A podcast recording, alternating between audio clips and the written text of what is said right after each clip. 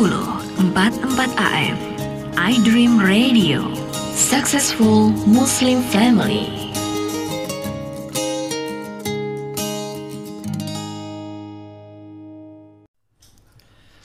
Assalamualaikum warahmatullahi wabarakatuh. Bismillahirrahmanirrahim. Alhamdulillahi rabbil alamin. Wassalatu wassalamu ala sayyidina wa habibina وشفيعنا ومولانا محمد صلى الله عليه وسلم وعلى آله الطيبين الطاهرين وعلى أصحابه أجمعين ومن تبع ومن تبعهم بإحسان إلى يوم الدين أما بعد sahabat Edrib di mana saja berada semoga kita selalu berada dalam perlindungan Allah Subhanahu wa taala keberkahan keselamatan di dunia maupun di akhirat alhamdulillah kita bersyukur kepada Allah pada sore hari ini kita dapat uh, bersama-sama uh, mengkaji, memahami, menyegarkan pemahaman kita terhadap ajaran Allah Subhanahu wa taala khususnya terkait dengan uh, kedatangan bulan yang mulia, bulan yang penuh keberkahan yaitu bulan Ramadan. Ya, tentu saja persiapan-persiapan untuk menyambut bulan Ramadan hendaknya tidak boleh kita abaikan walau secara umum kita pada masa-masa sekarang ini uh, mengalami kondisi-kondisi yang cukup sulit ya akan tapi insya Allah ya Allah Subhanahu wa taala akan berikan kita jalan keluar ya, di antara salah satu jalan yang dapat kita wujudkan, adalah memperbaiki ketaatan ketakwaan kita kepada Allah Subhanahu wa taala. Nah, di antara ibadah yang secara tegas dan lugas Allah nyatakan sebagai cara bagi kita untuk meraih ketakwaan adalah ibadah puasa. Yang sudah sering kita dengar ayatnya ya, kutiba alaikumusiyam kama kutiba alal ladzina min qablikum la'allakum tattaqun. Ya dah. Kita insya Allah akan sedikit membahas ya, pada pertemuan kali ini tentang fikhus siam ya fikih atau pemahaman tentang puasa. Ya tentu banyak ya perbincangan tentang puasa. Akan tapi uh, yang akan kita bahas seputar fikihnya ya fikihnya hukum-hukum yang terkait dengannya ya dan beberapa perkara-perkara yang uh, layak untuk kita pahami sebagai bentuk amaliyah kita dan praktek kita dalam ibadah puasa. Baik, uh, sahabat Yadrim yang dimuliakan Allah Subhanahu wa taala uh, kita mulai pembahasan ini dari uh, definisi dahulu ya. ya uh, puasa itu apa maknanya? Ya, dari segi bahasa, puasa itu adalah al-imsak, ya, menahan menahan diri. Ya. Uh, dalam surat Maryam, ya, Allah Subhanahu wa taala kisahkan kepada kita bagaimana Maryam pernah bernazar kepada Allah, "Inni nadzartu lirrahmani sauma." Aku bernazar kepada Allah berpuasa. Puasa apa ini maksud oleh Maryam di sini? Falan ukal limal yauma insiya. Maka aku tidak akan berbicara sejak hari ini kepada seorang manusia pun. Nah, jadi ini makna puasa secara bahasa menahan diri, menahan apa saja dalam berbagai hal apa saja. Itu dari segi bahasa. Adapun dari segi istilah, ya, asyam yang namanya puasa, kapan puasa dikatakan puasa sebagai sebuah ibadah yang dikenal dalam Islam? Ya, para ulama memberikan definisi di antaranya adalah at-ta'abbudu lillah, beribadah kepada Allah dengan cara apa? Bil imsak anil mufattirat, dengan menahan diri, dengan meninggalkan, dengan tidak melakukan perkara-perkara yang dapat membatalkan puasa. Sejak kapan? Min tulu'il fajri ila ghurubis syamsi. Dari sejak terbit fajar hingga matahari terbenam. Baik, uh, puasa ini secara garis besar terbagi menjadi dua antara puasa sunnah dan puasa yang wajib. Ya. Tentu kita akan banyak berbicara tentang puasa wajib, ya, yaitu puasa Ramadan.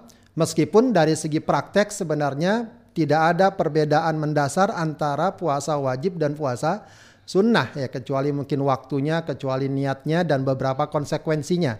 Adapun pelaksanaan dan pengamalannya sama ya sebagaimana definisi yang tadi beribadah kepada Allah dari sejak terbit fajar hingga, eh, dengan cara meninggalkan perkara yang dapat membatalkan puasa dari sejak terbit fajar hingga uh, matahari terbenam. Baik. Adapun puasa wajib yang sudah kita kenal tentu adalah puasa Ramadan. Ya, para ulama juga menyebutkan puasa nazar. Ya, puasa Ramadan ini baik yang sifatnya adaan, yaitu yang kita lakukan langsung, atau kodoan. Ya, yang sekarang mungkin terhalang, maka nanti uh, dapat uh, dilakukan pada waktu berikutnya itu namanya kodok. Itu juga menjadi wajib bagi orang yang memang memiliki hutang puasa. Hutang puasa. Uh, puasa Ramadan ya, para ulama sebutkan ya diwajibkan pada tahun uh, eh, 2 Hijriah ya. Pada tahun 2 2 Hijriah ya. Disebutkan juga bahwa Rasulullah SAW sebelum uh, apa namanya wajibnya puasa Ramadan sudah berpuasa Ayyamul Bid, sudah berpuasa Asyura ya. akan tapi kemudian turun uh, firman Allah Subhanahu wa taala dalam surat Al-Baqarah 183 yang sudah sering kita dengar ya ayyuhalladzina amanu kutiba alaikumusiyam kama kutiba alal ladzina min qablikum la'allakum tattaqun wahai orang yang beriman uh, telah diwajibkan pada kalian berpuasa sebagaimana telah diwajibkan kepada umat sebelum kalian ya, agar kalian bertakwa. Ya, sebenarnya ayat yang lebih tegas lagi menyatakan wajibnya puasa Ramadan ada di ayat 185 surat Al-Baqarah. Ya syahrul Ramadan alladzi unzila fihil Qur'an hudal linnas wa bayyinatin minal huda wal furqan faman syahida minkum syahra falyasumhu. Ya, jadi siapa yang bertemu dengan bulan tersebut hendaknya kalian berpuasa yaitu bulan Roma bulan Ramadan. Ya. Nah, uh, ayat ini menunjukkan bahwa umat sebelum Rasulullah Sallallahu Alaihi Wasallam sudah ya, disyariatkan berpuasa. Para ulama menyatakan demikian. Ya, akan tapi terkait dengan puasa Ramadan itu memang keistimewaan dan kekhususan umat Rasulullah Sallallahu Alaihi Wasallam, di mana sebelumnya tidak disyariatkan puasa wajib di bulan Rama, di bulan Ramadan. Adapun hadis ya, juga mungkin sudah sering kita baca hadisnya, kita hafal insya Allah. Bunyal Islamu ala khamsin, Islam dibangun di atas lima perkara. Syahadati Allah ilaha illallah wa anna Muhammadar Rasulullah. Bersyahadat bahwa tiada Tuhan selain Allah, ya. Tiada Tuhan yang disembah selain Allah dan bahwa Nabi Muhammad Rasulullah wa yuqamis salah, menegakkan salat, wa ita zakah, menunaikan zakat, wal haji ya, dan ibadah haji, wa saumi Ramadan dan juga puasa Ramadan muttafaq alaih. Ya, bahkan ini uh, sudah merupakan rukun is rukun Islam ya, sudah merupakan rukun rukun Islam. Ya. Uh, sehingga para ulama menyatakan bahwa ya puasa Ramadan ini merupakan ya, fardu, merupakan rukun dan kewajibannya ya adalah mutlak ya, sehingga uh, siapa yang mengingkari kewajiban puasa Ramadan maka dia dikatakan kufur ya. walaupun mungkin kalau ada yang meninggalkannya ya uh, itu merupakan dosa besar ya dan layak untuk dimintakan bertaubat kepada Allah Subhanahu wa taala. Baik, kita lanjutkan uh, sahabat Yadrim yang dimuliakan Allah Subhanahu wa taala. Uh, puasa Ramadan memang wajib, ya, tapi tentu uh, dari segi aplikasinya tentu tidak sembarang orang kemudian wa, wajib. Di sini kemudian para ulama menyebutkan tentang syarat wajibnya. Ya, jadi setiap ibadah memang ada syarat sah, ada syarat wajib. Syarat wajib itu apa? Syarat yang menyebabkan seseorang terkena kewajiban. Ya, kadang-kadang uh, ada sepihak orang yang terkena kewajiban, ada yang tidak terkena sesuai dengan situasi dan kondisinya. Ya. Kalau Rama, kalau puasa Ramadan atau puasa, kewajibannya apa? Atau apa yang syarat-syarat apa yang menyebabkan seseorang terkena kewajiban? Pertama adalah al-Islam. Ya, yaitu Islam, dia seorang muslim. Ya. Yang kedua adalah balik, artinya kalau dia bukan muslim, non muslim, dia tidak diwajibkan. Jangan dipaksa orang non muslim untuk puasa Ramadan. Meskipun tentu selayaknya mereka menghormati orang-orang yang berpuasa dengan tidak makan sembarangan dan lain sebagainya. Ya, kemudian balik. Anak yang belum balik tidak diwajibkan berpuasa. Meskipun juga tentu kalau dia sudah mulai mampu, sudah mulai usia mumayyiz, mungkin saja dilatih sedikit demi sedikit bagaimana dia dapat berpuasa semampunya. Ya, tanpa ada paksaan dan uh, ya apalagi kekerasan tentu saja. Kemudian berakal, ya, berakal dalam arti dia tidak gila, ya, dia tidak hilang ingatan, ya, maka uh, orang yang waras, orang yang balik, orang yang muslim, dia wajib puasa. Satu lagi para ulama menyebutkan adalah al-qudrah. Ya, al-qudrah mampu. Dia punya kemampuan, maksudnya kekuatan khususnya kekuatan fisik ya, stamina fisik untuk melakukan ibadah puasa ya. Meskipun dia balik, dia muslim, ya dia berakal tapi stamina-nya nggak kuat berpuasa. Ya, misalnya adalah orang sakit, apalagi sakit yang sudah permanen atau orang tua ya dalam Al-Qur'an Allah Subhanahu wa taala sebutkan dalam surat Al-Baqarah 184 wa 'alal ladzina yutiqunahu fidyatun ta'amu miskin adapun orang yang tidak kuat untuk berpuasa, maka dia dapat menggantinya dengan membayar fidyah dalam bentuk memberi makan orang-orang mis orang-orang miskin. Ya. Baik, uh, permasalahan tadi uh, juga ada landasan hadisnya, ya, di mana uh, Rasulullah Sallallahu Alaihi Wasallam bersabda, "Rufi al qalamu an Ya, catatan amal pada seseorang itu diangkat dalam arti dia tidak dikenakan kewajiban-kewajiban yang berlaku dalam syariat pada tiga orang ya. Hanin naimi hatta yastaqid ya, orang yang tidur sampai dia bangun ya, wa anis sabi hatta anak kecil sampai dia dewasa wa anil majnun hatta ya'kil. Orang gila sampai dia akal Baik, kita lanjutkan e, pembahasan berikutnya yaitu rukun puasa. Ya. E, kalau tadi sudah seseorang terkena kewajiban lalu dia berpuasa, apa yang harus dia lakukan? Ya, jadi rukun adalah sesuatu yang memang harus kita hadirkan saat kita melaksanakan e, perbuatan tersebut.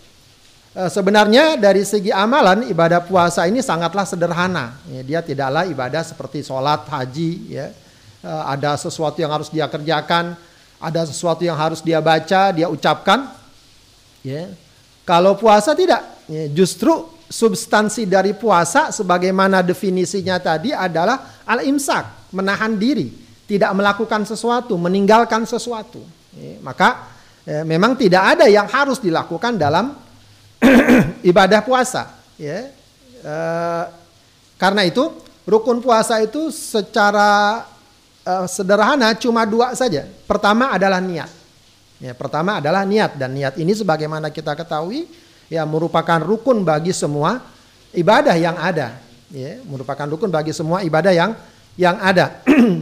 Eh, meskipun masalah niat ini ada kekhususan ya Ya, ada satu riwayat dari Hafsah Ummul Mukminin radhiyallahu anha di mana Rasulullah sallallahu alaihi wasallam bersabda man lam yubayyitis siyam qabla al-fajri fala siyamalahu. Siapa yang siapa yang tidak berniat di malam hari berpuasa sebelum datangnya fajar maka tidak ada puasa baginya. Ya. Hadis riwayat perawi yang lima Ahmad, Abu Daud, Tirmidzi, eh, Nasai dan Ibnu Majah. Ya, jadi niat puasa itu harusnya di malam hari sebelum fajar. Ya, ini beda dengan niat-niat yang lainnya yang biasanya kita sertakan seiring dengan pelaksanaan sebuah sebuah amal. Ya, dan ini memang uh, disebutkan oleh para ulama hanya berlaku pada apa namanya pada uh, puasa fardu, puasa wajib. Jadi orang kalau puasa wajib harus di malam hari sebelum fajar. Ya, harus di malam hari sebelum fajar. Adapun puasa sunnah itu boleh ya di pagi hari baru niat, misalnya dia di pagi hari belum makan, ya kemudian jam 7 jam 8 ter, terpikir untuk berpuasa, dia boleh berpuasa. Ini pernah kita apa namanya dalam hadis riwayat Muslim Rasulullah pernah mendatangi Aisyah menanyakan apakah ada makanan ketika Aisyah bilang tidak ada kalau gitu saya puasa.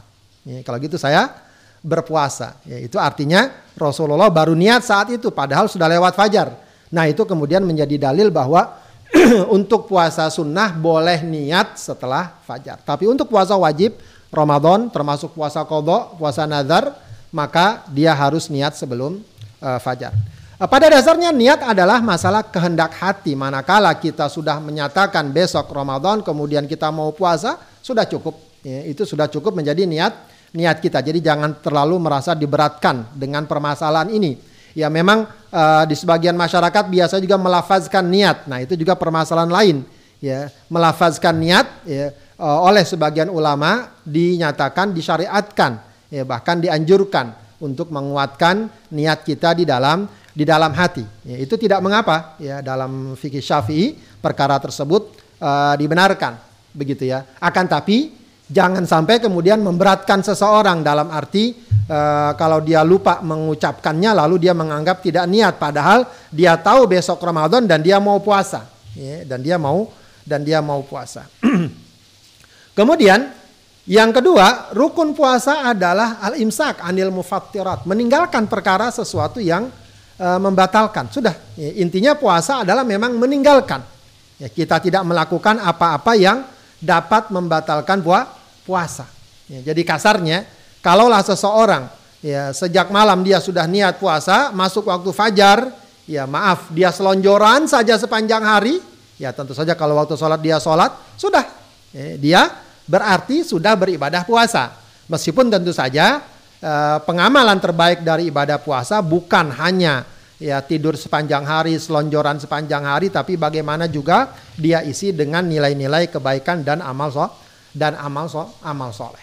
Karena itu pembahasan masalah puasa yang cukup dominan dan sering mendapatkan perhatian adalah perkara apa saja yang membatalkan puasa. Ya, perkara apa saja yang membatalkan puasa. Baik, secara garis besar, ya, perkara yang membatalkan puasa itu kurang lebih ada lima. Ya, meskipun nanti banyak uh, perbincangan-perbincangan dalam berbagai macam cabangnya. Ya, yang pertama adalah makan dan minum sengaja. Yang kedua adalah berjima, ya, jima berhubungan badan suami istri. Ya, dan yang ketiga adalah haid dan nifas bagi wanita. Ya. Yang keempat adalah uh, muntah dengan sengaja. Ya, jadi muntah dengan sengaja. Yang kelima adalah mur murtad. Ini perkara kelima perkara ya yang uh, secara umum para ulama menyatakan ini membatalkan puasa. Adapun masalah-masalah yang lain itu biasanya uh, masuk dalam ruang lingkup dan ranah uh, khilafiyah, perbedaan pendapat uh, di kalangan para uh, para ulama ya. Jadi saya ulangi lagi, makan dan minum dengan sengaja, kemudian berjima, ya, termasuk di dalamnya uh, misalnya masturbasi, onani hingga keluar mani, ya, kemudian haid dan nifas dan kemudian juga uh, muntah dengan sengaja dan kemudian murtad. Baik, kita coba uh, bahas uh, lebih detail masalah ini. Ya, makan dan minum dengan sengaja, ya, jadi catatannya adalah dengan sengaja. Kalau lupa seseorang di siang hari lupa makan dan minum, maka kata Rasulullah sallallahu alaihi orang yang lupa man nasya wa huwa shaim fa akala aw syariba saumahu. Siapa yang lupa lalu dan sedang dia berpuasa lalu dia makan atau minum maka hendaknya dia sempurnakan puasanya. Ya. Uh, bahkan kata Rasulullah itu sebenarnya Allah ingin memberi dia makan dan minum sementara nilai puasanya tidak uh, tidak hilang. Ya. Jadi kata Allah Subhanahu wa taala juga terkait dengan masalah ini dalam surat Al-Baqarah 187 Allah katakan wa kulu washrabu hatta yatabayyana lakumul khaitul abyadu minal khaitil aswadi minal fajr. Makan dan minumlah eh, sampai jelas ya benang putih dari benang yang hitam. Maksudnya sampai masuk waktu fajar. Jadi kalau malam silahkan makan, silahkan minum. Tapi kalau masuk waktu fajar sudah selesai. Jangan makan, jangan minum thumma atimmus siyama ilal lail kemudian sempurnakan maka eh, apa namanya puasa hingga malam ha, hingga malam hari. Ya, kemudian cuma saja memang yang jadi bahan perbincangan kemudian adalah perkara-perkara apa saja yang uh, dapat kemudian dikategorikan makan dan minum. Ya, ini yang kemudian nanti akan banyak sekali perdebatan dan perbincangan di tengah di kalangan para ulama. Secara umum, secara garis besar, Eh, termasuk dikatakan makan dan minum adalah memasukkan apa saja ya makanan atau yang lainnya ke rongga e, pencernaan kita, ke lambung kita.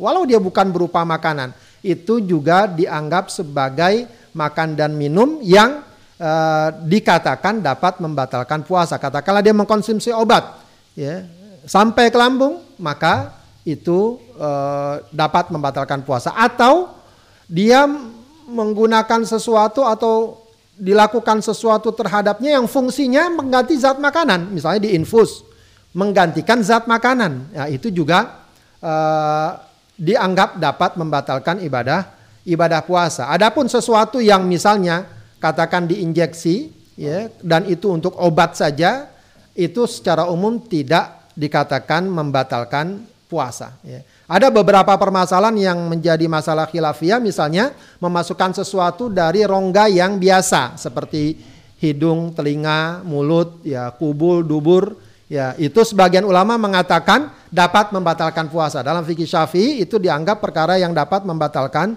uh, puasa, begitu ya. Namun sebagian ulama yang lain mengatakan selagi tidak sampai kepada lambung maka dia tidak membatalkan puasa. Hal-hal seperti ini kalau kita hindari lebih lebih baik, lebih terja, lebih terjaga, ya, lebih hati-hati.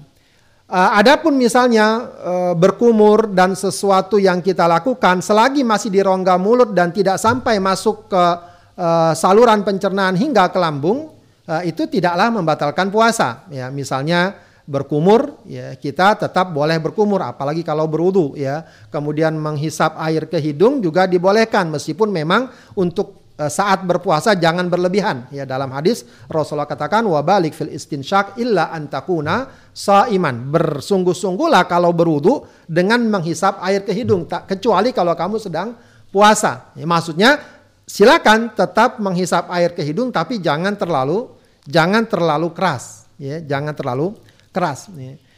Baik. E, kemudian perkara berikutnya adalah e, berjima ya dengan sengaja di siang hari Ramadan. Ya. Nah, ini bukan cuma batal ya, ya, tapi dia merupakan pelanggaran berat ya dan layaknya seseorang istighfar kepada Allah Subhanahu wa taala atas e, kekhilafan yang dia lakukan dan kemudian e, puasanya memang batal. Ya Allah katakan Uh, dalam surat Al-Baqarah 187 uhilla lakum lailatas siyami arrafathu ila nisaikum. Dihalalkan pada kalian pada malam berpuasa untuk berhubungan intim dengan istri kalian. Pemahaman ini uh, dipahami bahwa berarti saat berpuasa dilarang untuk apa namanya uh, berjima begitu ya dan juga terdapat satu hadis sahih yang cukup terkenal di mana ada seorang sahabat datang pada Rasulullah Wasallam ya, lalu dia mengatakan dia telah menggauli istrinya. Maka Rasulullah SAW perintahkan orang ini untuk memerdekakan budak. Namun ternyata dia tidak punya budak maka diperintahkanlah untuk uh, berpuasa dua bulan berturut-turut. Namun dia juga tidak mampu maka diperintahkanlah dia untuk memberikan sedekah kepada 60 orang fakir miskin. Ya, sedekah makanan Eh, kepada 60 orang fakir miskin. Berarti pemahamannya memang bahwa berjima itu membatalkan puasa, bukan hanya membatalkan puasa, tapi juga dia harus membayar kafarah yang disebut para ulama sebagai kafaratun mughalladah, kafarah yang berat. Ya, pilihannya adalah kalau masih bisa memerdekakan budak, memerdekakan budak dan itu sekarang tidak ada, berarti bisa ke opsi kedua, pilihannya itu berpuasa dua bulan berturut-turut Ya, kalau itu dia tidak mampu maka dia memberi makan 60 orang miskin. Ya, uh, apa namanya perbuatan tersebut. Nah uh, itu disebut dan dia harus mengkodok puasa yang dia tinggalkan hari itu yang batal pada hari itu di waktu yang lain di waktu yang lainnya. Akan tapi kalau misalnya seseorang berjima atau dia berhadas besar, ya, lalu dia belum sempat mandi di malam hari atau dia haid, ya, dia haid kemudian dia suci sebelum fajar. Lalu dia niat puasa dan dia belum sempat mandi. Apakah puasanya sah? Puasanya sah. Ya, puasanya sah walaupun dia dalam keadaan hadas besar sepanjang di malam itu dia atau sebelum fajar dia sudah niat untuk berpuasa. berpuasa. Ada sebuah riwayat muttafaq alaih Aisyah mengatakan bahwa Rasulullah SAW pernah suatu kali eh, apa namanya berada dalam keadaan junub ya dikatakan bukan karena mimpi. Ya, ada juga riwayat disebutkan setelah jima. ya. Kemudian uh, dia uh, apa kemudian masuk waktu subuh dan dia melakukan puasa melakukan puasa. Nah, itu kalau seperti itu boleh ya. Artinya dilakukannya sebelum fa sebelum fajar. Lalu kalau misalnya apa namanya bercumbu bagaimana? Ya. Para ulama memberikan patokan dalam hal ini adalah apakah keluar mani atau tidak. Ya, kalau bercumbu sampai keluar mani membatalkan puasa, tapi tidak kena kafarah mukallaf tadi. Ya, tapi kalau tidak sampai keluar mani tidak membatalkan puasa. Hanya saja para ulama juga umumnya mengatakan bahwa ini makruh ya karena uh, semestinya orang yang berpuasa itu bukan hanya sekedar dia tidak makan dan minum tapi dia juga meninggalkan syahwatnya. Kalau dalam hadis Rasulullah atau dalam hadis qudsi Allah Subhanahu wa taala memuji hambanya yang berpuasa. Kenapa? Ya da'u ta'amahu wa syarabahu wa syahwatahu dia meninggalkan makanan, minumnya dan syahwatnya karena aku. Ya, jadi hendaknya ditinggalkan hal tersebut. Ya, walaupun dia yakin saya nggak sampai berbuat jima atau eh, apa namanya tidak keluar mani akan tapi sebaiknya ditinggalkan. Kalaupun itu dilakukan, ya, hal itu e, tidak membatalkan puasa. Lain halnya kalau sampai keluar mani. Termasuk dalam hal ini juga apa yang dikenal dengan istimna yaitu masturbasi onani Ya, patokannya kalau sampai keluar mani dia membatalkan puasa. Tapi kalau tidak maka tidak membatalkan puasa meskipun tentu masalah masturbasi onani adalah perbuatan yang dilarang dalam uh, dalam Islam. Begitu ya, yang tentu saja harusnya ditinggal uh, ditinggalkan. Ya. uh, adapun kalau so seorang di siang hari ya, dia mengalami junub karena mimpi misalnya, mimpi junub di siang hari Apakah batal puasanya? Tidak batal puasanya. Puasa tidak bah. Sebab dalam hal ini dia tidak dalam posisi memilih atau melakukan, tapi memang ya Allah takdirkan demikian. Ya, bukan karena dia e, mengekspresikan syahwatnya. Ya, maka dia tidak batal puasanya, dia dapat lanjutkan hanya saja dia e, harus mandi janabah untuk dapat melaksanakan e, ibadahnya. Kemudian Uh, perkara yang lainnya juga adalah uh, muntah dengan sengaja. Itu juga membatalkan puasa. Rasulullah bersabda dalam hadis riwayat Abu Daud, Tirmidzi dan lainnya manis taqa'a fa'alail qadha. Siapa yang sengaja muntah maka dia harus mengkodok puasanya. Itu artinya puasanya batal. Ya, uh, dengan cara apa begitu? Bagaimana dia usahakan agar muntah begitu. Nah, itu uh, membatalkan puasa. Adapun orang yang tiba-tiba saja dia muntah, dia tahu perasa mual, perasa pusing lalu dia muntah, maka dia tidak batal puasa puasanya. Maka kata Rasulullah, "Wa man dara'ahul qai'u fala qada'a alaih." Siapa yang uh, terdorong dia muntah, maka uh, tidak ada uh, kewajiban baginya untuk mengkodok mengkodoknya. Kemudian perkara lain juga yang dapat membatalkan puasa adalah haid dan nifas. Ini tentu bagi kaum kaum hawa. Ya, jadi eh, siapa pun kaum wanita ketika dia puasa walau tinggal beberapa menit maghrib lalu datang haid, ya, datang nifas, ya, atau dia apa melahirkan misalnya, maka eh, dia batal puasa, batal puasanya. Eh, Aisyah radhiyallahu anha uh, mengatakan ketika menjelaskan tentang uh, kenapa kaum wanita disebut setengah agama itu bukan berarti karena mereka ahli maksiat tidak kata dia alaisa idza hadat lam tusalli wa lam tasum bukankah kaum wanita kalau sedang haid tidak sholat dan tidak dan tidak puasa. Kemudian juga dikatakan oleh Aisyah, fanu marubi kodok isom walanu marubi kodok isolah. Kami diperintahkan untuk mengkodok puasa dan tidak diperintahkan untuk mengkodok mengkodok sholat. Maka uh, kaum wanita yang mengalami haid dan nifas maka dia tidak memba tidak uh, maaf maaf dia membatalkan puasa uh, puasanya. Baik.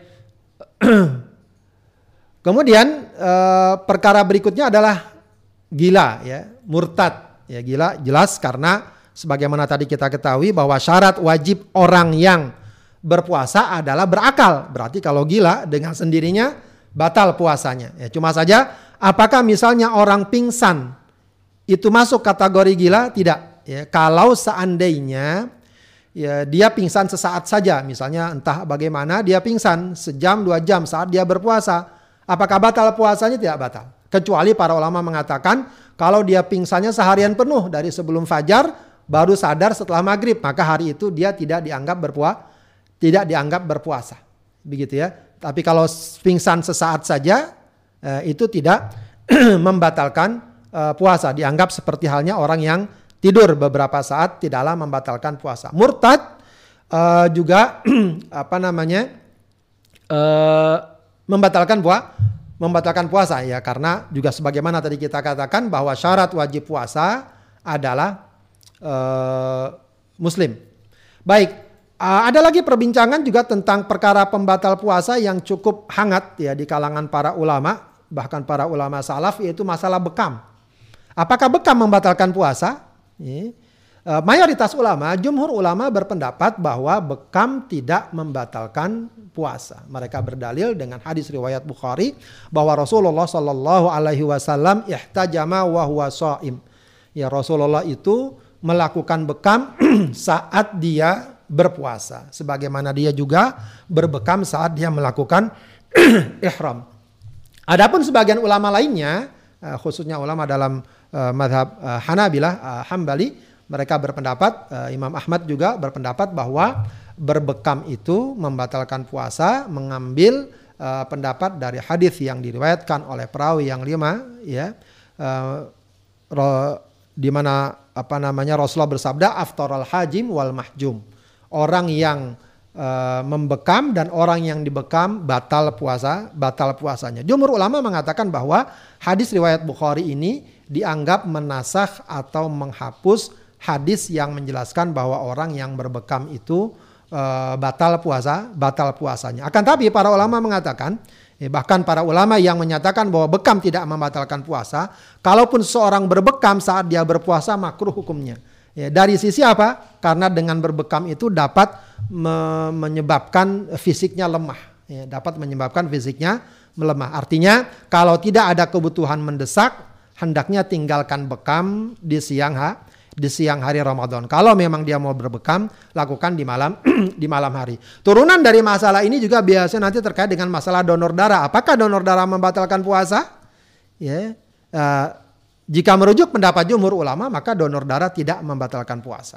Cuma cuma lagi uh, kita katakan kalau seandainya ya, dilakukan di malam hari lebih hati-hati lebih hati-hati. Kecuali kalau mendesak ya, ada kebutuhan yang sangat mendesak, maka silakan dilakukan dan tetap berpuasa. Tapi kalau ternyata lemah, tidak kuat berpuasa, maka eh, tidak mengapa dibatalkan dan kemudian dikodok di siang eh, di, di waktu yang di waktu yang lain.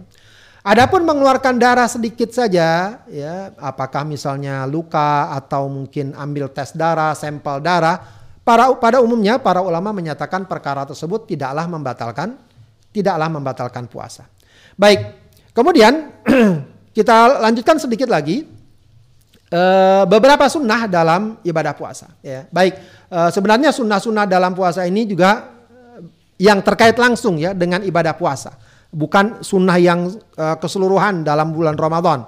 Kalau sunnah keseluruhan di bulan Ramadan ya jelas banyak ya tilawah, ya zikir, ya berdoa, ya qiyamul lail dan lain sebagai dan lain sebagainya. Baik, uh, sunnah yang pertama uh, bagi orang yang berpuasa adalah saat dia berbuka. Ya. Apa sunnahnya? Sunnahnya adalah menyegerakan untuk berbu berbuka puasa. Ya, jadi kata Rasulullah ya zalun nas khair ma'ajjalu fitr. Orang selalu akan dalam kebaikan selagi mereka menyegerakan berbuka. Ya, jadi jangan kemudian kita berpikir, oh mungkin kalau kita tunda bukanya pahala jadi banyak.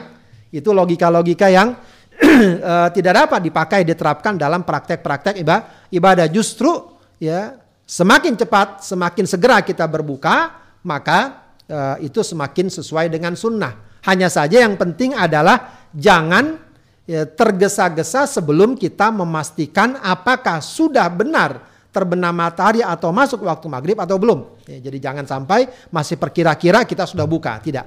Ya, kita pastikan maghrib masuk, maka segera kita berbuka. Bagaimana kita berbuka? Rasulullah SAW memberikan contoh dalam hadis riwayat Abu Daud dan Tirmidzi ya bahwa Rasulullah kana yuftiru qabla an yusalli ala rutobat. Rasulullah itu ketika berbuka ya itu uh, sebelum sholat dia berbuka dengan rutop. Rutop itu korma muda, korma yang mengkal lah ya kalau kita itu ya rasanya sepat-sepat manis. Meskipun ini juga jarang didapatkan atau sulit didapatkan. Baik, fa'ilam yakun rutobat fatumayrat atau fatamarat. Ya, kalau nggak ada uh, korma yang muda maka korma yang sudah masak, korma yang biasa kita lihat sekarang itu. Ya. Fa'ilam yakun tamarat hasa hasawatim mimma. Nah, ini yang kadang-kadang suka ada sedikit penyimpangan makna. Di kita itu kalau tidak ada korma maka yang manis-manis. Ya, kemarin kalau tidak salah sudah dibahas itu ya oleh dokter kita bahwa yang benar itu bukan kalau nggak ada korma dengan yang manis-manis, tapi kalau Rasulullah nggak ada korma, dia minum seteguk air putih. Ya, seteguk air atau beberapa teguk air putih. Ya, ini uh, kalau kita lihat beginilah sunnah Rasulullah dan kalau dikaitkan dengan aspek medis dan kesehatan, uh, ini juga sangat sesuai uh, dengan petunjuk-petunjuk kesehatan kesehatan ketimbang seorang langsung berbuka dengan entah gorengan, entah kolak dan semacamnya. Ya, perkara-perkara itu bukan dilarang, akan tapi bagus kalau awal yang dia konsumsi saat berbuka adalah perkara perkara-perkara yang telah dicontohkan. Ya, jadi masalah kita berbuka dengan korma itu bukan masalah budaya Arab, itu harus kita catat. Ya. Itu adalah uh, contoh sunnah dari Rasulullah Sallallahu Alaihi Wasallam. Di samping secara medis itu juga uh, sangat baik ya karena mengandung mungkin apakah unsur uh, karbo, uh, gula dan semacamnya. Kemudian juga termasuk disunahkan saat berbuka adalah berdoa, membaca doa ya, yang diajarkan Rasulullah atau doa yang sifatnya umum, ya doa yang mungkin cukup dikenal di tengah masyarakat Allahumma lakasumtu wa ala rizki aftartu ya atau juga dhahabat dhama wabtalatil uruq wa thabatal ajru insyaallah ya meskipun terkait dengan Allahumma lakasum tu ada perdebatan antara uh, sahih tidaknya ya dan pada umumnya mengatakan bahwa itu adalah hadis yang dhaif tapi sebagian ulama mengatakan bahwa ini banyak riwayatnya satu sama lain saling menguatkan akan tapi secara umum doa uh, tidaklah dilarang ya doa apa saja pun bo boleh apalagi doa yang masih ada sanadnya Ya meskipun uh, kalaupun dikatakan itu sebagai sesuatu yang dhaif. Jadi tidak perlulah seseorang berkeras-keras dalam masalah ini bahwa itu bid'ah ya dan semacamnya. Ya kenapa? Karena uh, jangankan dia berdoa dengan doa ini, doa yang umum pun ya Allah ampunilah saya, ya Allah mudahkanlah urusan saya, itu boleh.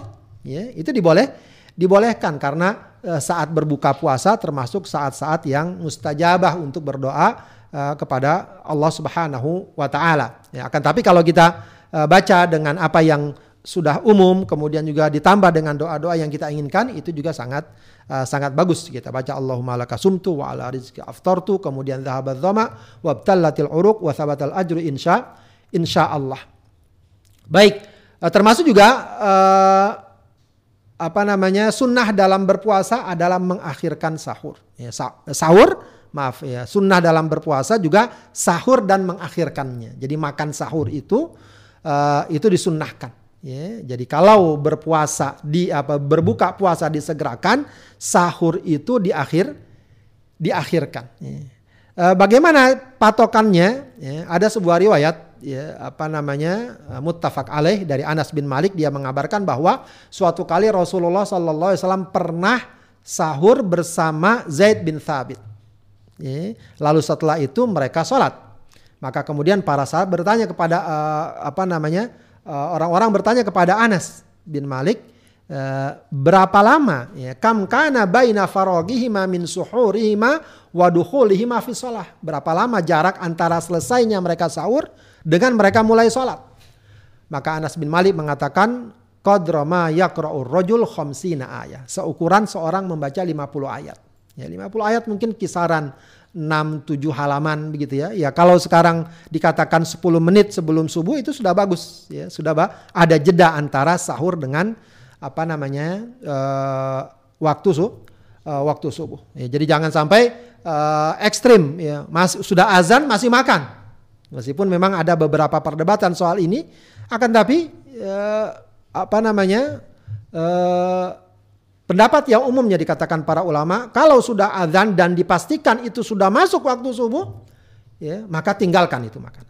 Ya, tinggalkan makanan. Dalam hadis riwayat Bukhari, Rasulullah mengatakan, "Inna Bilalan yu'adzinu bilail." Bilal dahulu itu azan pada malam hari, maksud sebelum fajar. Jadi sholat subuh itu ada dua azan sebenarnya. Ada azan pertama, yaitu azan disebut azan Bilal. Bilal yang azan. Ya, maka kata Rasulullah, "Fakulu washrabu." Makan dan minumlah silahkan hatta yu'adzina ibnu ummi maktum sampai nanti ibnu ummi maktum azan. Berarti ketika azan ibnu ummi maktum itu maksudnya ketika azan sudah masuk waktu waktu subuh. Maka hentikan. Ya, jadi jangan uh, apa namanya uh, ketika sudah adzan subuh jangan uh, memaksakan terus uh, makan ya. Jadi dalam hal ini ada dua orang ada dua sikap yang ekstrim kadang-kadang dalam masalah sahur. Ada orang yang sahurnya terlalu cepat ya, entah jam 3 mungkin kalau sekarang ya, entah setengah 4 udah sahur. Itu terlalu cepat. Ya, terlalu terlalu cepat. Begitu ya. Uh, tapi ada juga yang ekstrim juga, sudah azan dia masih makan. Ya, harusnya ditunda ya mungkin ukuran sekarang kalau subuhnya jam setengah lima berarti kisaran jam empat seperempat ya uh, sebab salah satu fungsi dan juga hikmah mengakhirkan sahur ini agar dengan waktu subuh tidak terlalu lama sehingga dia tidak terbawa tidur dan makan pun tidak terlalu banyak begitu ya tidak terlalu uh, banyak baik Ada juga riwayat bahwa sunnah saat sahur pun makan kurma. Ada juga riwayat seperti itu. Bagus juga kalau ketika sahur kita makan kurma. Baik, uh, kemudian ada beberapa perkara yang dimakruhkan, ya, ya, ini juga lawan dari perkara-perkara sunnah tadi, ya, di mana berpuasa kita dianjurkan banyak beribadah, melakukan kebaikan, maka jangan kemudian berpuasa kita isi hanya banyak tidur, banyak bermain, main game dan lain sebagainya. Ya, itu juga perkara yang dimakruhkan dalam ibadah puasa. Jangan sampai puasa kita hanya sekedar lapar dan dahaga. Juga termasuk tadi disebutkan mencumbu istri, ya, itu juga perkara yang makruh. Ya. Termasuk juga bekam, ya, eh, di, dikatakan perkara yang makruh. Termasuk perkara makruh yang ini uh, perkara yang memang cukup dikenal dalam fikih syafi'i, dalam madhab syafi'i, yaitu bersiwak atau sikat gigi setelah siang hari Ramadan. Ya meskipun mayoritas ulama umumnya tidak mengatakan ini makruh, tapi dalam fikih Syafi'i eh, cukup dikenal bahwa ini perkara yang dimakruhkan yaitu bersiwak atau bersikat gigi ya setelah siang hari Ramadan. Ya. Para ulama mengatakan dalam fikih Syafi'i mengatakan sumber dari hadis Rasulullah sallallahu alaihi wasallam la khulufu atyabu indallah min rihil misk.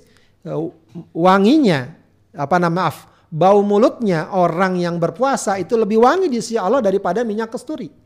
Makanya jangan di eh, jangan dihilangkan.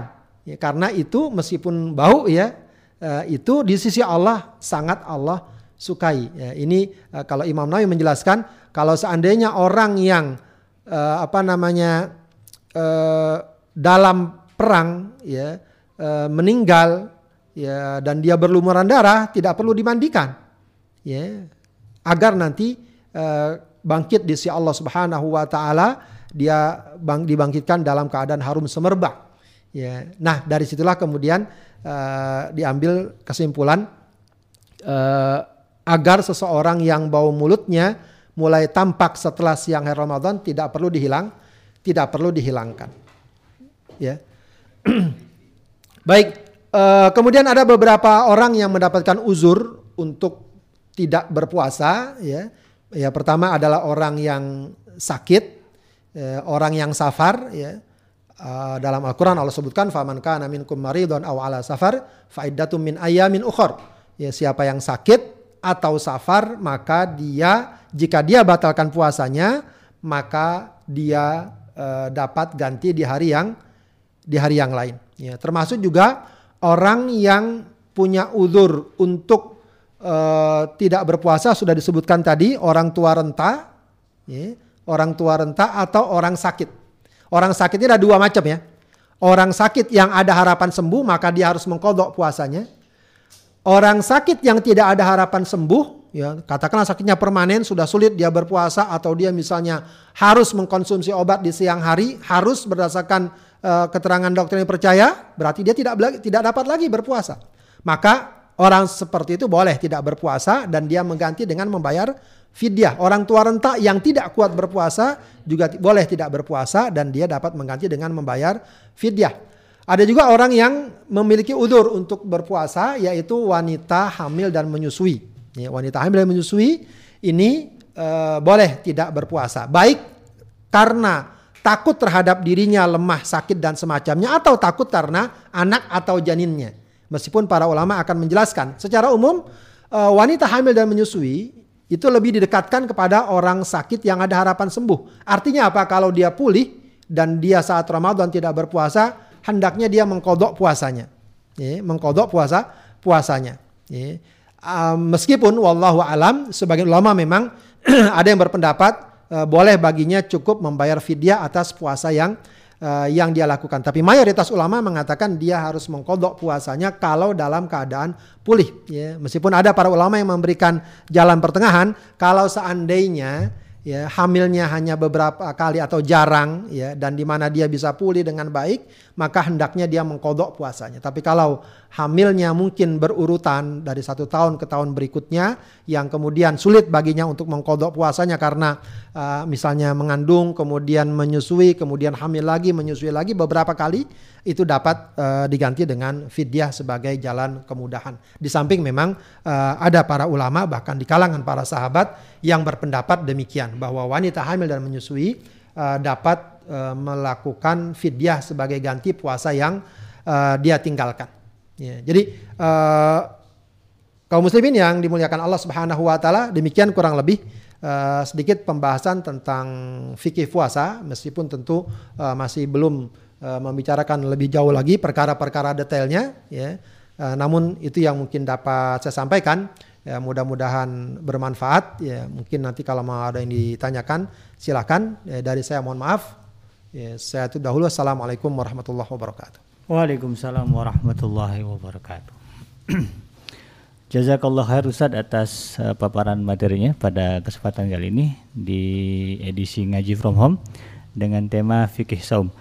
Dan bagi Anda sahabat iDream Radio di mana pun Anda berada yang ingin uh, menyampaikan pertanyaan kepada Ustadz Abdullah Khaidir LC terkait dengan uh, materi kita pada hari ini, Anda bisa menyampaikan di uh, melalui pesan singkat WA di nomor 80 di nomor uh, di nomor WA 0822 988 1044. Saya ulangi di 0822 988 1044. Dan bagi Anda yang sedang live menyaksikan kita melalui streaming di eh, channel YouTube kita, jangan lupa untuk menekan tombol like dan juga subscribe. Itu merupakan bagian dukungan nyata dari Anda untuk kemajuan iDream TV dan juga iDream Radio.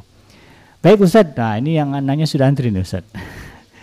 Mudah-mudahan uh, segala bentuk pertanyaan yang disampaikan oleh sahabat iDream Radio bisa tercover dengan seluruh jawaban yang telah diberikan oleh Ustadz dan sekiranya ada pertanyaan-pertanyaan uh, yang tidak sempat kami bacakan dan juga tidak sempat dijawab oleh Ustaz, mudah-mudahan di lain waktu kita akan uh, bertemu kembali untuk membahas segala sesuatu yang tertunda.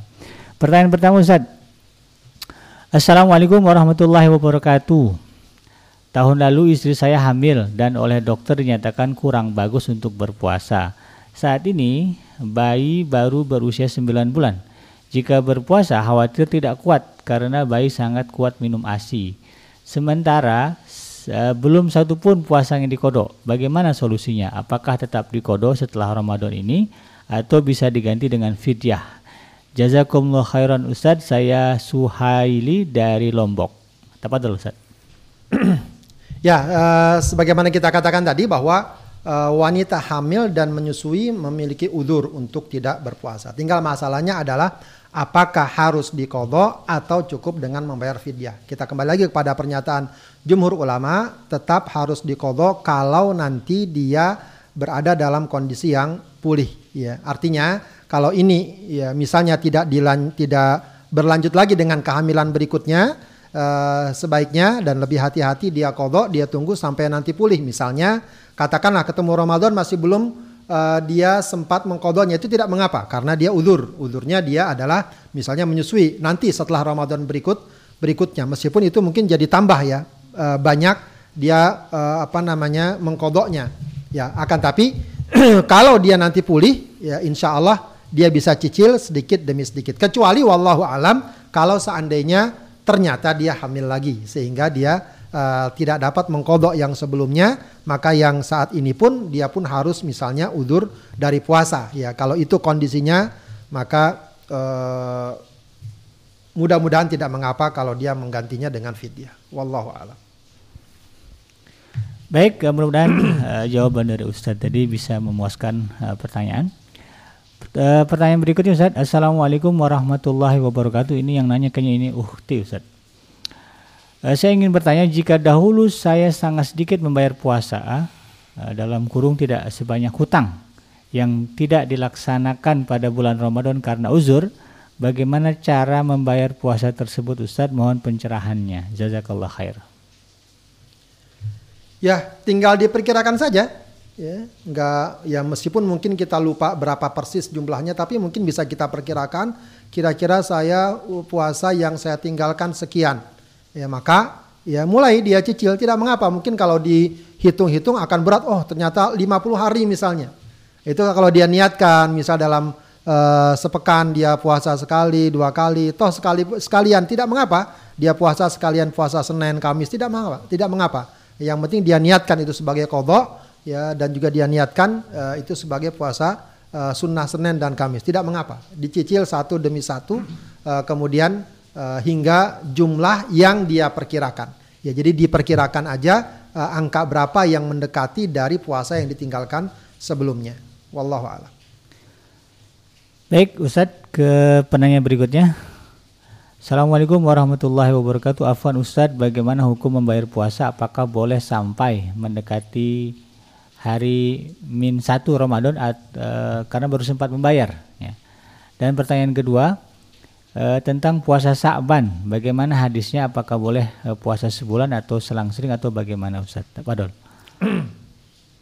Ya, uh, terkait dengan kodok puasa Ramadan, para ulama menyebutkan waktunya terbuka dalam setahun ke depan hingga bertemu Ramadan berikutnya. Ya, jadi uh, meskipun tentu semakin cepat dia lakukan semakin baik, khususnya ketika dia uh, dalam kondisi yang memungkinkan. Jadi jangan uh, biasakan kita menunda-nunda apa namanya kodok puasa, padahal kita mampu, kita nggak sakit, kita nggak safar segala ma segala macam. Jadi segerakan mengkodok puasa. Kalaupun tertunda-tunda maka batas akhirnya adalah sampai Ramadan berikutnya. Kalau sampai Ramadan berikutnya dia belum dapat mengkodok atau tidak mengkodok puasanya padahal dia mampu, maka dia berdosa, dia istighfar, dia mohon ampun kepada Allah dan mengkodok setelah Ramadan berikutnya. Para ulama bahkan mengatakan, mayoritas ulama mengatakan selain mengkodok orang seperti ini, ya, kalau dia tidak mengkodok padahal dia tidak ada udur, selain mengkodok puasa, dia harus mengeluarkan kafaroh berupa setengah sok makanan kurang lebih satu setengah kilogram beras dan dikeluarkan kepada fakir miskin untuk setiap hari yang uh, dia tinggalkan kodoknya tadi. Kecuali kalau dia ada udur, oh saya nggak bisa mengkodok di tahun ini karena sakit, ya, maka dikodok pada Ramadan uh, berikut berikutnya. Jadi walaupun tinggal sehari dua hari, dia ternyata masih punya masih punya satu hutang puasa harus dikodok kalau dia mampu kalau dia mampu. Ya, jadi uh, bulan Sya'ban ini masih ada beberapa hari lagi, ya maka uh, pastikan ya kalau seandainya kita punya hutang puasa jangan diabai, ya, jangan ya. diabaikan agar kita juga masuk Ramadan dalam kondisi yang lebih yang lebih baik. Uh, di bulan Sya'ban sendiri dianjurkan untuk banyak beribadah puasa ya, dan hmm. itu betul. Rasulullah SAW sebagaimana kata Aisyah ya tidak ada bulan yang Rasulullah banyak beribadah puasa kecuali bulan Sya'ban. bulan Sya'ban. Bahkan dalam riwayatnya disebutkan berpuasa semuanya. Meskipun pemahamannya adalah berpuasa pada mayoritas hari-harinya. Jadi ini bisa kita gabungkan berpuasa, mengkodok puasa sekaligus mendapatkan sunnah puasa di bulan di bulan Sya'ban. Ya. Puasa di bulan di bulan Sya'ban. Akan tapi kalau sekali lagi kalau seseorang ya apa namanya punya udur ya tidak mengapa ya, jangan juga uh, dipaksakan. Ya, jangan juga dipaksakan, dia tunda dulu, nanti kodoknya setelah Ramadan berikutnya, itu insya Allah tidak masalah. Wallahu a'lam. Baik, mudah-mudahan memuaskan pertanyaan dari Uhti tadi. Pertanyaan selanjutnya Ustaz. Assalamualaikum, tanya Ustaz. Bagaimana puasa membayar hutang di bulan Syawal? Apakah mendapat keutamaan membayar hutang yang wajib dan keutamaan berpuasa sunnah di bulan Syawal? Jazakumullah khairan. ya, uh, bahkan para ulama menyebutkan ya, uh, apa namanya uh, harusnya bayar kodok dahulu baru puasa sawal. Sebagian para ulama menyatakan demikian. Oh, iya. ya man soma ramadhana thumma atbau sittan min syawal fakaan nama somad dahar siapa yang puasa Ramadan kemudian diikuti puasa Syawal enam hari puasa Syawal apa namanya maka dia seakan-akan puasa setahun. Nah para ulama mengatakan dia tidak dikatakan puasa Ramadan sebelum dia puasa semuanya. Artinya eh, kalau dia misalnya mengkodok dahulu, lalu dia puasa syawal itu lebih utama. Akan tapi boleh jadi orang mungkin berat kalau saya kodok dahulu mungkin 10 hari eh, ditambah puasa syawal 6 hari jadi berat. Kalau gitu puasa Syawal dulu lah, eh, puasa kodok bisa belakangan. Itu juga para ulama membolehkan. Secara umum para ulama membolehkan hal hal tersebut. Dia puasa sunnah uh, Syawal dahulu, lalu nanti puasa kodoknya entah di bulan Syawal atau di bulan yang yang lainnya. Intinya adalah jangan memudah-mudahkan perkara ini. Ya, jangan meringan-ringankan perkara ini dalam arti kalau dia segera dapat berpuasa kodok lakukan lakukanlah. Ya. Yeah. Dan dalam beberapa hal puasa kodok bisa digabungkan dengan puasa Senin Kamis misalnya ayamul bid itu bisa digabungkan. Meskipun untuk puasa Syawal ini ada perbedaan pendapat para ulama apakah bisa digabungkan apakah ti, apakah tidak. Lebih hati-hati kalau dipisah ya puasa qada dengan puasa Syawal sebab puasa Syawal uh, berdiri sendiri. Wallahu a'lam. Baik Ustaz, nah, ini pertanyaan terus mengalir Ustaz. Masih ada waktu lagi ya untuk sahabat Edrim Radio. Pertanyaan berikutnya Ustaz ini terkait dengan fidyah.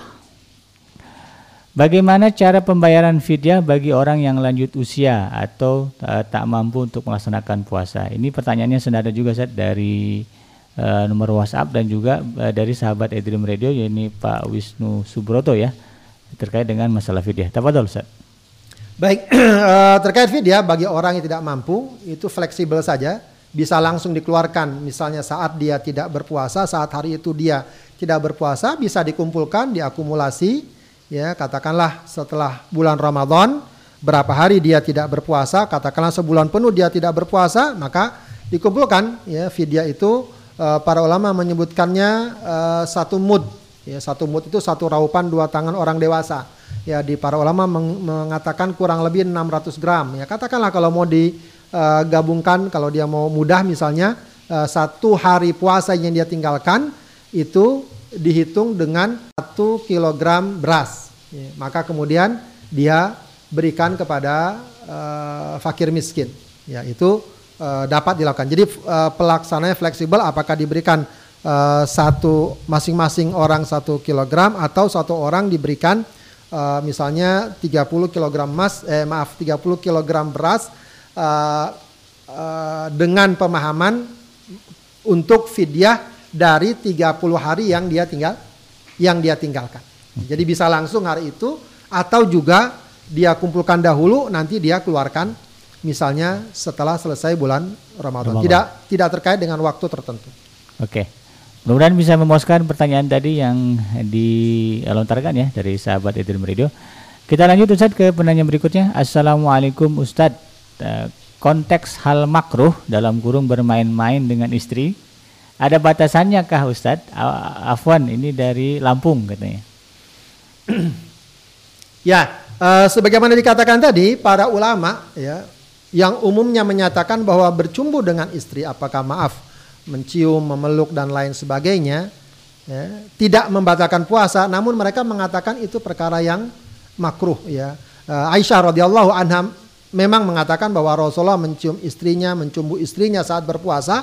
Akan tapi Aisyah mengatakan karena amlakukum li irbihi. Ya, Rasul adalah orang yang paling mampu mengendalikan uh, syahwatnya. Ya, ini memberikan pemahaman bahwa uh, uh, ada semacam kekhususan dari apa yang Rasul lakukan meskipun itu juga menjadi salah satu landasan hukum bahwa sekedar mencumbu tidak membatalkan puasa. puasa ya. Ada juga memang para ulama membeda-bedakan kalau misalnya usia sudah lanjut gitu ya, uh, tidak cepat uh, bereaksi atau tidak cepat uh, apa muncul hasratnya, maka tidak mengapa. Tapi kalau masih remaja, masih muda atau maaf pengantin baru dan lain sebagainya, hendaknya hal itu dihindari karena sangat berpotensi ah. membuatnya tidak uh, terkendali dan kemudian melakukan hal yang uh, yang dilarang. Ya, yeah, jadi yeah. Uh, memang ada batas, ada yang menyebutkan batasannya antara uh, pusar dan lutut misalnya, ya agar terhindar dari perkara yang uh, membatalkan ya, atau yang dilarang. Tapi secara umum menghindari bercumbu saat berpuasa, apa pun bentuknya itu lebih hati-hati, lebih hati-hati dan lebih terjaga. Toh malam harinya boleh begitu ya. Kenapa yang di siang hari tidak bisa di uh, dijaga? Wallahu alam. Kalaupun dilakukan patokannya tadi. Ya, patokannya adalah apakah sampai keluar mani atau tidak. Kalau keluar hmm. mani membatalkan, kalau tidak tidak membatalkan. Tapi dari segi nilai memang berkurang ya, karena okay. Seharusnya orang yang berpuasa mengendalikan diri. syahwatnya, menahan diri dari Iya. makan dan minum dan juga dari syah, Syahwat. dari syahwat. Jadi bagi anda yang pengantin baru ah, siap-siap ya ah, menjelang bulan puasa jangan sampai eh, apa namanya larang-larangan atau halal yang dimakruhkan di dalam berpuasa eh, bisa terjadi. Baik Ustadz eh, kita lanjutkan. Penanya berikutnya Assalamualaikum warahmatullahi wabarakatuh Ustadz Saya mau menanyakan tentang syafar ketika berpuasa Sesungguhnya Allah memudahkan orang yang safar dengan tidak berpuasa ketika bulan Ramadan Tapi bagaimana safarnya di zaman sekarang yang sangat mudah dengan pesawat dan juga kendaraan lain-lainnya. Bagaimana baiknya? Apakah kita ambil eh, dari Allah Subhanahu Wa Taala atau kita tetap berpuasa? Dari Denny di Banyuwangi Ustaz, jazakallah khairan. Baik, eh, terkait dengan safar, eh, para ulama mengatakan bahwa safar yang membuat seseorang boleh melakukan kosor dan jamaah sholat, maka itu artinya dia sudah memiliki udur untuk untuk tidak berpuasa, untuk tidak berpuasa. Kalau dilihat secara umum, permasalahannya umum, ya ayatnya juga umum, faman kana minkum maridon aw ala safar. Siapa yang sakit dan atau dia dalam safar. Tidak disebutkan apakah safarnya memberatkan, berat atau tidak dan seterusnya. Ya, kalau sekarang mungkin safar naik pesawat, ringan segala macam, apakah kemudian lantas masih boleh eh, mendapatkan udur eh, apa namanya berbuka puasa? Pada umumnya para ulama mengatakan itu juga termasuk udur walaupun dia eh, naik pesawat dan sebagainya. Karena pada dasarnya juga orang yang melakukan safar, walau safarnya mungkin dengan pesawat atau dengan kendaraan yang nyaman, ya sebenarnya dia juga mengalami kondisi yang berat. As-safaru atun minal adab kata Rasulullah. Safar itu eh, bagian dari adab atau sesuatu di mana seorang banyak akan mengalami keberatan-keberatan. Mungkin dia menunggu di airport atau mungkin apa namanya delay atau ada masalah-masalah keimigrasian dan lain sebagai eh, dan lain sebagainya. Ya, karenanya eh, apa yang sudah Allah berikan udur ya maka tidak perlu kita persempit apa yang Allah sudah luaskan sebab Allah katakan di ayat berikutnya yuridullahu bikumul yusra wala yuridu bikumul usra. Allah menghendaki kemudahan buat kalian dan tidak menghendaki kesulitan. Ya terlebih kalau memang safarnya memberatkan atau kalau memang puasanya dia saat safar itu memberatkan. Apalagi kalau sampai membahayakan. Hmm. Ya, jadi eh, setidaknya para ulama memberikan derajat-derajat. Kalau seandainya saf- eh, puasa dia saat safar membahayakan, maka wajib dia berbuka. Wajib ya. Nggak boleh dia paksakan eh, berpuasa, padahal dengan itu mungkin dia akan eh, pingsan, akan kolaps segala macam. Iya. Ya, dalam satu riwayat Rasulullah Sallallahu Alaihi Wasallam, kalau tidak salah dalam Fatu Mekah, di mana Rasulullah bahkan ketika safar itu minta diambilkan air dan dia perlihatkan dia minum, Masya Allah. Agar orang tahu bahwa ketika safar boleh berbuka. Iya, iya. Ya, maka ketika ada beberapa sahabat ngasih tahu ada sebagian yang masih puasa, apa kata Rasul bilang? Ulah ikal usap. Mereka bermaksiat. Ya. Di riwayat yang lain juga ada seseorang sahabat dalam safar eh, dikipas-kipas, ya. rupanya dia mungkin keletihan atau bagaimana. Ketika ditanya Rasulullah kenapa dia? Oh dia safar, dia puasa dalam safar. Ya, maka Rasulullah katakan laisa minal birri asyamu fis safar. Bukanlah merupakan amal soleh dan ketakwaan apa namanya berpuasa dalam safar. Safar. Tapi umumnya para ulama mengatakan itu kalau kondisinya berat. Kalau kondisinya tidak berat bagaimana? Nah, kondisi seperti ini 50-50. Iya. Ada juga riwayat eh, di mana dalam satu perjalanan para sahabat terbagi dua, sebagian berpuasa, sebagian tidak. Yang berpuasa tidak mencela yang tidak berpuasa, yang tidak berpuasa tidak mencela yang berpuasa. Oke. Nah, ini kemudian dipahami ketika safarnya eh, kondisinya apa namanya tidak Berbeda, memberatkan. iya. Jadi kalau seorang melakukan safar dalam kondisi tidak memberatkan, eh, jika dia mau berpuasa silahkan. Berarti ingin dia ingin mengambil fadilah kebaikan Roma, Ramadan. Hmm, iya. Kalau dia tidak ingin berpuasa dalam arti dia ingin mengambil rukhsah dari Allah dan Allah senang kalau rukhsahnya diambil, itu juga tidak mengapa. Oke. Jadi sifatnya fleksibel saja kalau kondisinya seperti seperti itu. Wallahu a'lam. Ya, mudah-mudahan ini memuaskan pertanyaan ya. Jadi memang haram hukumnya kalau eh, tetap berpuasa dalam keadaan safar dan itu berujung kepada kemudorotan. Ya mungkin dehidrasi lah, ya pingsan dan sebagainya. Jadi tidak boleh. Malah harus berbuka. Terima kasih Ustaz. Kita lanjutkan Ustaz. Ini mungkin eh, penanya berikutnya sepertinya terlambat menyimak. Assalamualaikum Ustaz, saya ingin bertanya bagaimana kalau misalnya kita mimpi basah saat tidur siang di bulan Ramadan, apakah itu membatalkan puasa?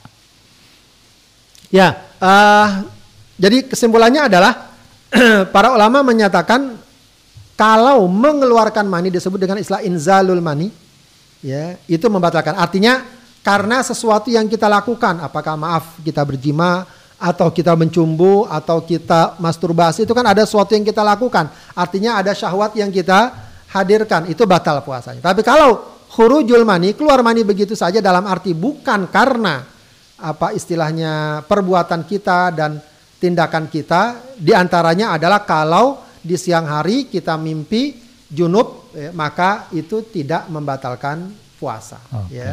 Tidak membatalkan puasa akan tapi tentu dia harus mandi junub untuk dapat melaksanakan ibadah berikutnya. Oke jadi tidak batal ya. Tapi hanya wajib mandi junub untuk melaksanakan sholat misalnya kalau memang di siang hari. Terima kasih Ustaz. Kita lanjut Ustaz. Assalamualaikum ini masih terkait dengan safar Ustaz. Apakah boleh waktu kita safar diambil ruhsahnya sholat jamak di jamak kosor, sedangkan puasanya tetap nah, tidak diambil ruhsah dibatalkan. Nanti dikodok uh, atau tidak konsisten. Nah, dari Yudi Surabaya jazakallah khair. Gimana dikodok tidak konsisten? Jadi ini uh, saya baca Ustaz ya. Uh, apakah uh, boleh waktu safar diambil ruhsahnya sholat di jamak kosor? Sedangkan puasanya tetap. Tidak diambil rusoh dibatalkan nanti dikodoh. Jadinya tidak konsisten gitu Ustaz. Antara uh, dia uh, rusoh sholat diambil tetapi ya. puasa tetap.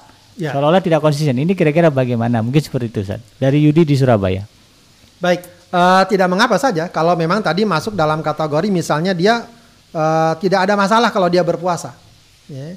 tidak ada masalah. Ini artinya ya biasa saja seperti seperti halnya dia sedang uh, di rumah tidak safar. Uh, kalaupun lapar haus sedikit itu wajar. Yeah. Ya, tapi kalau sampai memberatkan tadi ya tadi apa dehidrasi atau mungkin timbul gejala-gejala kesehatan yang tidak baik, maka yeah. harusnya dia ber, berbuka. Ya, yeah. paling tidak dia disunahkan berbuka ketika itu, dianjurkan ber, berbuka. Ya, tapi kalau tidak, nggak apa-apa, dia ambil rukhsah uh, apa namanya kosor jama huh? dan dia tetap berpua berpuasa. berpuasa. Dan tidak perlu mengkodok kalau memang puasanya itu sudah dia laku dijalankan. dia lakukan dia jalankan. Itu bukan masalah tidak konsisten ya. Yeah. itu masalah dia mengambil rukso yang uh, yang ada.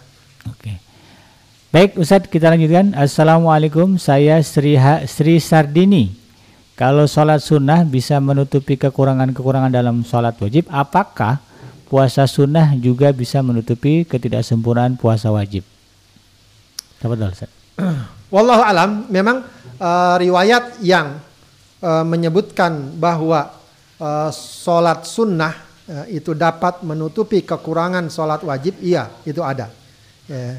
Adapun apakah ada riwayat puasa sunnah dapat menutupi kekurangan puasa dalam puasa wajib, wallahu alam. itu mungkin butuh uh, pendalaman lagi. Akan hmm. tapi secara umum eh, perbuatan-perbuatan sunnah yang kita lakukan, yeah. ya, puasa termasuk di dalamnya adalah perbuatan yang sangat dianjurkan yang insya Allah dapat memberikan kebaikan yang banyak bagi kita dan secara umum juga dapat menutupi apa namanya eh, perkara-perkara mungkin saja yang kurang dalam pelaksanaan ibadah ibadah yang wajib atau puasa yang yang wajib.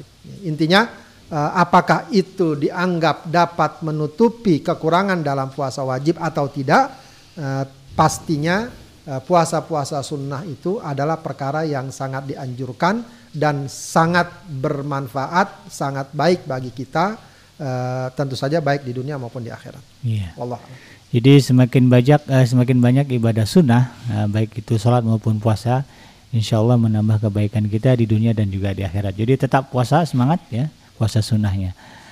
Kita lanjut Ustaz. Assalamualaikum Ustaz. Saya pernah dengar jika ada wanita yang uzur tidak berpuasa karena hamil. Tetapi tidak mengganti hutang puasanya. Hanya membayar fidyah. Mohon penjelasannya Ustaz dari guru SDIT PB Bandar Lampung. Syukran Ustaz. Ya, uh, sekali lagi ini memang masalah yang cukup uh, apa namanya ramai dibicarakan ya atau sering dipertanyakan. Yeah. Jadi saya katakan lagi bahwa ini kita kembali saja kepada uh, akwal atau kaul para ulama. Mayoritas para ulama berpendapat bahwa wanita hamil dan menyusui, ya, kalau dia mengambil ulur tidak berpuasa, ya, maka dia tetap harus mengkodok puasanya kalau sudah pulih. Iya. Ya, itu mayoritas termasuk uh, fikih dalam ulama dalam fikih Syafi'i. Begitu ya. Itu mayoritas seperti itu. Bahkan kalau dalam fikih Syafi'i lebih detail lagi. Kalau seandainya ya, dia tidak puasanya karena takut terhadap dirinya atau takut terhadap diri dan janinnya atau bayinya, maka dia hanya kodok saja.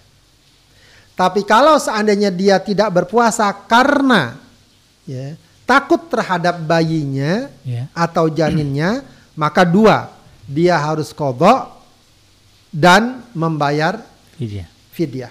Jadi dua itu itu eh, detailnya seperti itu. Eh, tapi sebagian ulama mengatakan tidak kodok saja, ya, tidak perlu dengan bayar eh, fidyah. Itu mayoritas ulama berpendapat demikian.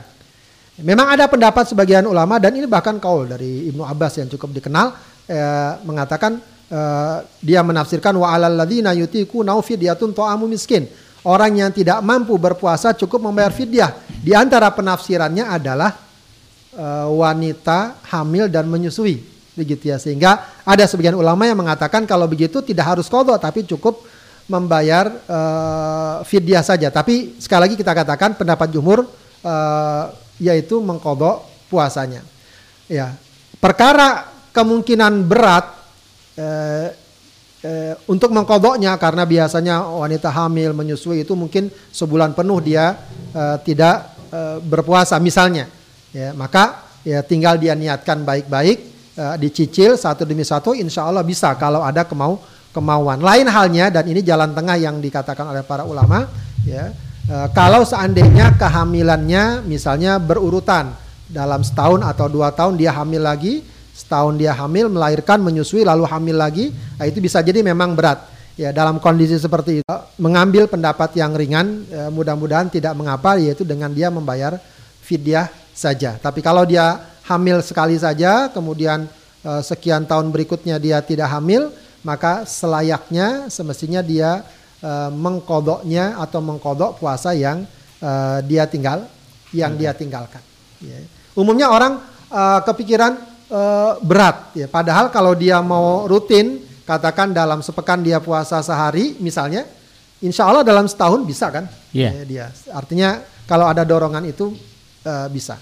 Wallahu a'lam Baik Ustadz kita lanjutkan. Assalamualaikum Ustadz Untuk tenaga medis yang menangani COVID-19 Dan perlu asupan gizi yang baik Bagaimana jika meninggalkan puasa? Boleh tidak?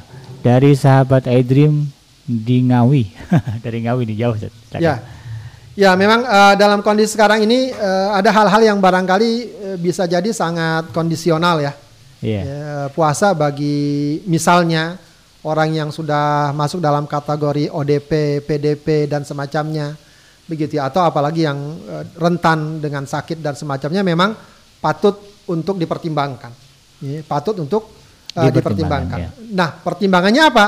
Pertimbangannya adalah konsultasi ke dokter yang eh, dipercaya orang Muslim dan ya tentu paham apa istilahnya eh, semangat beragamanya Iya, iya. begitu ya. Kalau misalnya mereka menyarankan oh Anda jangan berpuasa dah nanti khawatir eh, akan semakin memperparah katakanlah eh, pencernaannya atau saluran pernapasannya dan semacamnya itu bisa menjadi rekomendasi baginya untuk tidak berpuasa Iya, iya. begitu ya.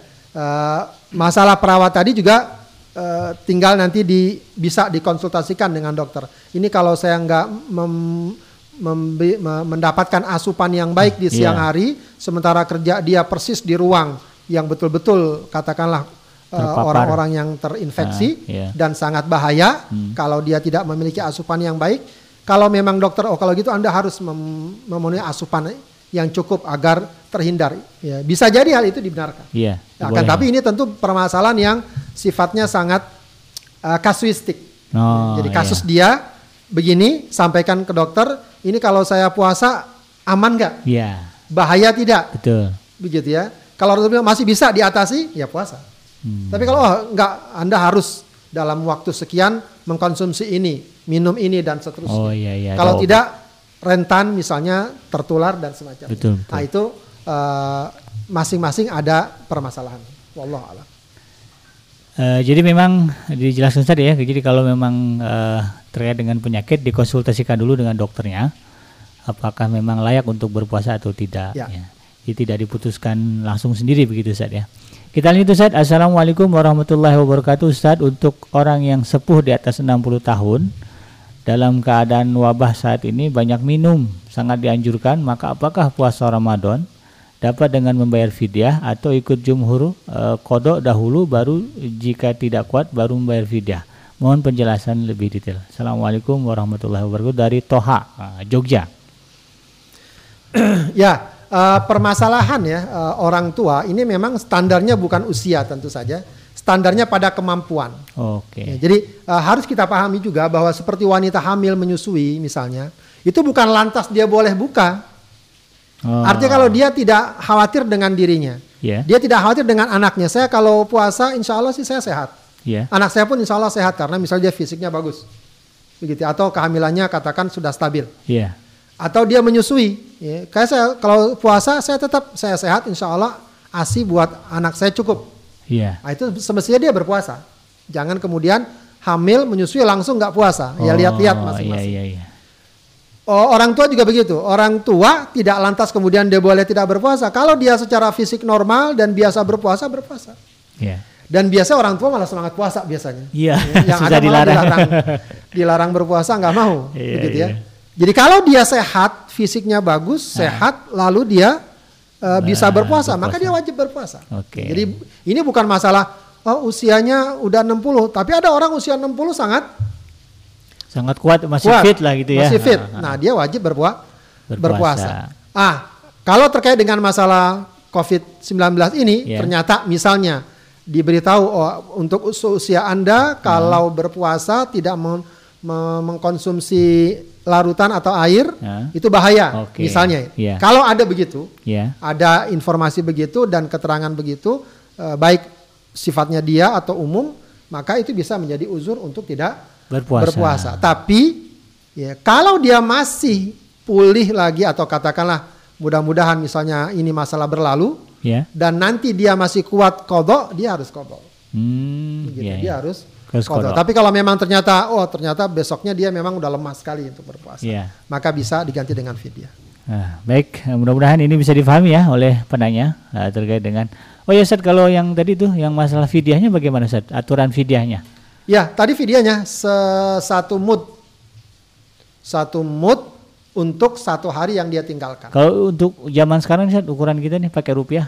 Eh, yang lebih dekat adalah dengan makanan sebab memang Al-Qur'an mengatakan apa namanya wa wa 'alal ladzina yutiquna fidyatun ta'amu miskin. Oke. Ji. Ya, yang Sa- lebih dekat dengan makanan. Satu bungkus nasi padang begitu Ustaz, boleh? Ya, bisa iya. Oke. Baik makanan mentah Ya. atau makanan yang sudah siap dimakan. Oke, iya ya. Wallah. Jadi eh, lebih dekat dengan menggunakan makanan. Jadi eh, Anda Ya. hitung saja dengan eh, nasi satu bungkus satu porsinya itu berapa. Jadi Ya. ini lebih lebih bagus Atau ya. bisa saja dia menyerahkan uang ke Ya. orang tertentu atau lembaga tertentu Ah. dengan penjelasan ini fidyah agar diberikan makanan. Oh iya iya iya, Wah, ini lebih bagus ya. Ya. Baik Ustaz, kita lanjutkan. Assalamualaikum. Eh, mengapa para sahabat Nabi bisa tahan lapar dalam kondisi cuaca panas? Kalau saya pada saat puasa selalu lemes. Apakah ada doa tahan lapar dan haus dari Ginanjar Jakarta Timur? Silakan Ustaz. Wah, ini nih. Ini kalau ada lumayan Kalau ya. tahan Jadi lapar lumayan. kalau ada bagus juga. Wallahu alam saya tidak eh, apa namanya eh, dapat memberikan informasi doa yang khusus untuk tahan lapar ya.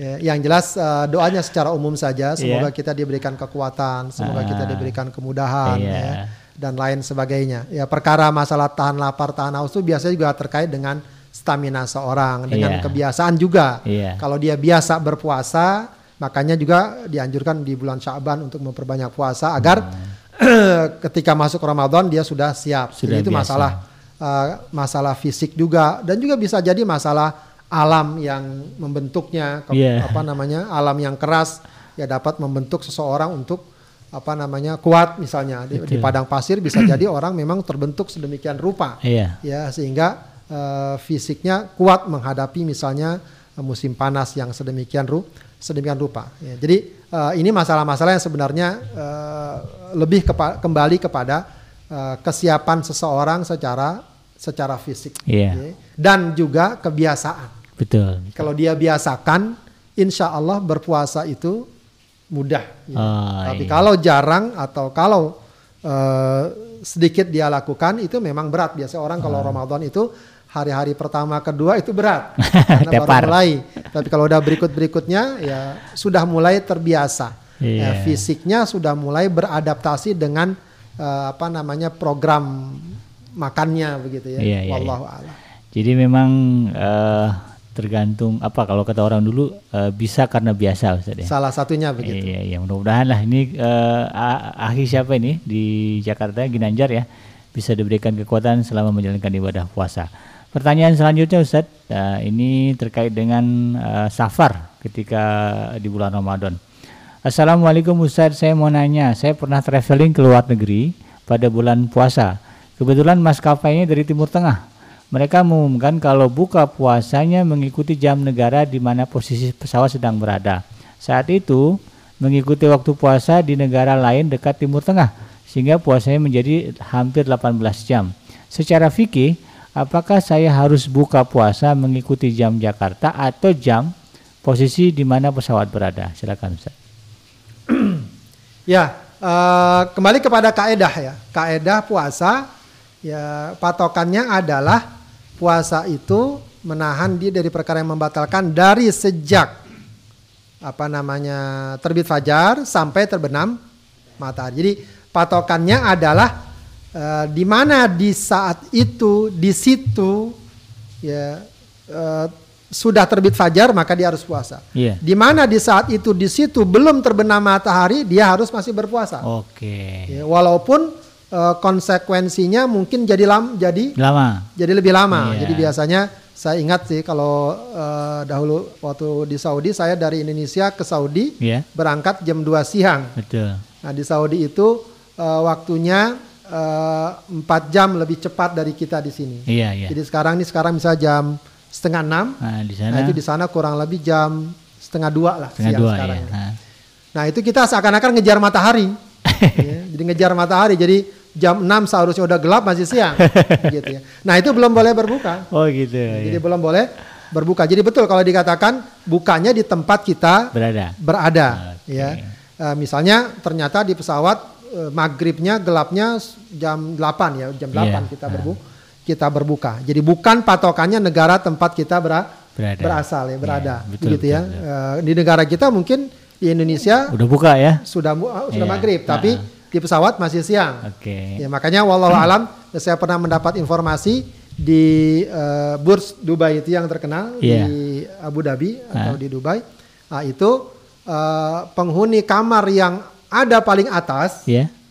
itu waktu berbukanya lebih lambat dari penghuni kamar yang paling bawah. Karena Karena ketika waktu yang paling bawah di sudah terbenam matahari, yang paling atas Iya, masih ngelihat masih. gitu ya. Nah, itu wallahu alam itu eh, mungkin saja ya, Oke, dalam iya, arti patokannya adalah eh, terbenamnya matahari.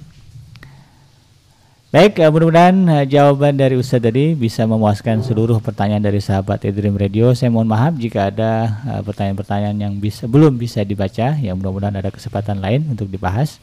Terima kasih Ustadz Abdullah Hadarsi atas kehadiran antum di sini dan telah berbagi kajian dengan kita. Mudah-mudahan Allah Subhanahu wa taala memanjangkan usia antum dan eh, memberikan kesehatan serta meluaskan rezeki antum. Amin ya rabbal alamin. Baik sahabat Edream Radio, eh, kita sudah berada di ujung acara. Namun eh, saya ingatkan kembali besok eh, ada program uh, Tarikh Ramadan ya bagi putra-putri Anda yang di rumah pukul 13 waktu Indonesia bagian barat. Mudah-mudahan bisa mengisi ya mungkin rasa jenuh selama berada di rumah. Dan eh, tidak lupa juga saya ingatkan kepada Anda sahabat iDream Radio yang menyimak eh, kajian melalui eh, channel YouTube kita di iDream TV untuk eh, menekan tombol like dan juga subscribe karena itu merupakan dukungan nyata bagi Anda untuk kita semua dalam rangka mendu- mendukung kemajuan media dakwah kita iDream TV dan iDream Radio. Dan jangan lewatkan berbagai program lainnya setelah ini. Jangan eh, ke mana-mana, tetaplah di 1044 AM iDream Radio Successful Muslim Family. Saya Bikenji dan segenap kru yang bertugas memohon maaf yang sebesar-besarnya atas segala kekurangan kita selama kebersamaan kita di kesempatan kali ini. Subhanakallahumma rabbana wa bihamdika asyhadu an la ilaha illa anta astaghfiruka wa atubu ilaik. Billahi taufiq wal hidayah. Assalamualaikum warahmatullahi wabarakatuh.